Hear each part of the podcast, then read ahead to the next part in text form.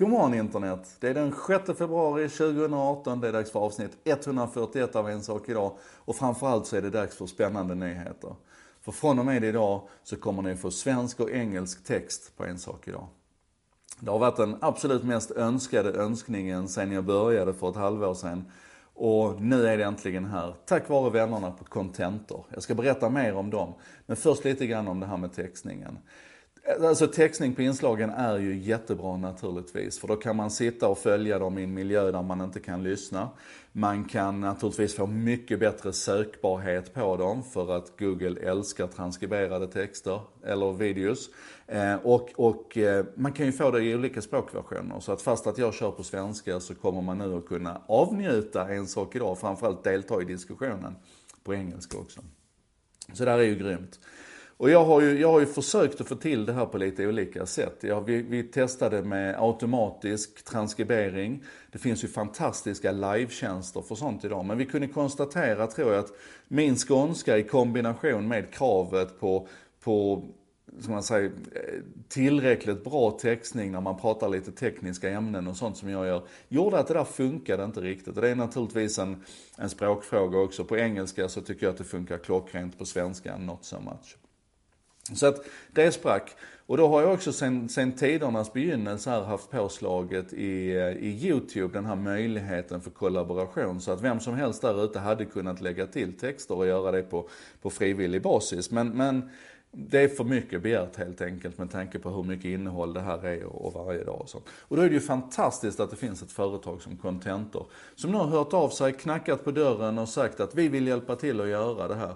Och de gör det då alltså på, på eh, vad ska man säga, de, de får inte betalt för det här utan de kliver in och gör det här som ett samarbete. När de knackar på dörren så skickar jag dem till Bredband2 och sen pratade då Marco och Tess på Bredband2 med Sofia och Rebecca på Contentor. De kom överens om att ja men det här gör vi tillsammans.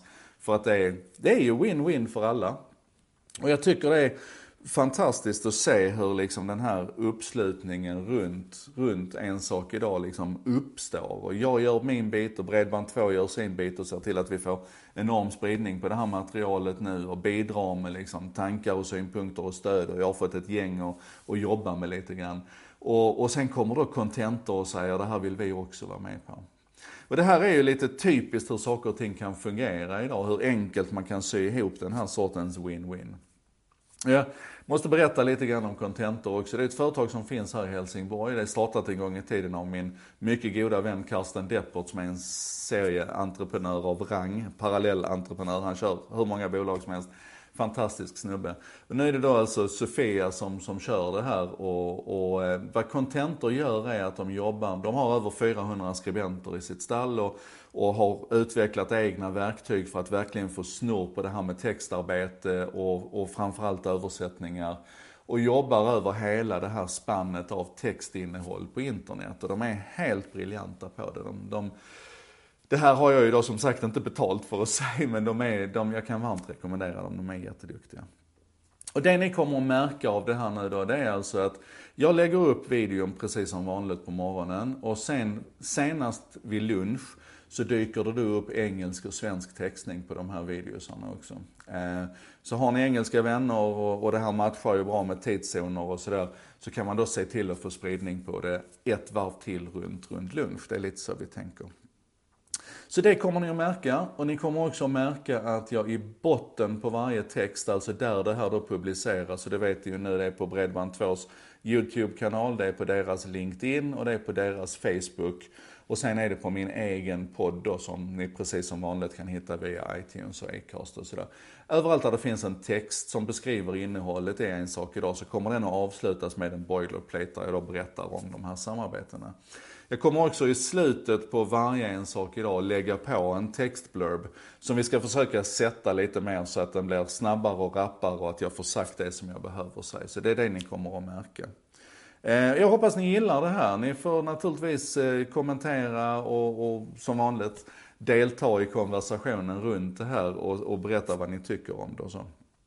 Ehm, och nu ska jag då testa den här avslutande blurben för första gången och tanken är väl att jag så småningom ska lära mig den utan till men än så länge så behöver jag lite texthjälp. Eh, och så här tänkte vi jobba fram den.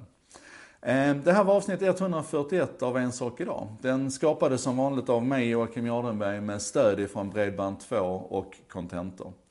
Bredband2 är internetoperatören som gillar internet, precis som jag, och tror på teknikens möjligheter. Många snackar men Bredband2 lyssnar och hjälper till att sprida det goda samtalet runt En sak idag. Contentor arbetar med redaktionellt innehåll skapat särskilt för internet med texter, översättningar och marknadsföring i moderna kanaler.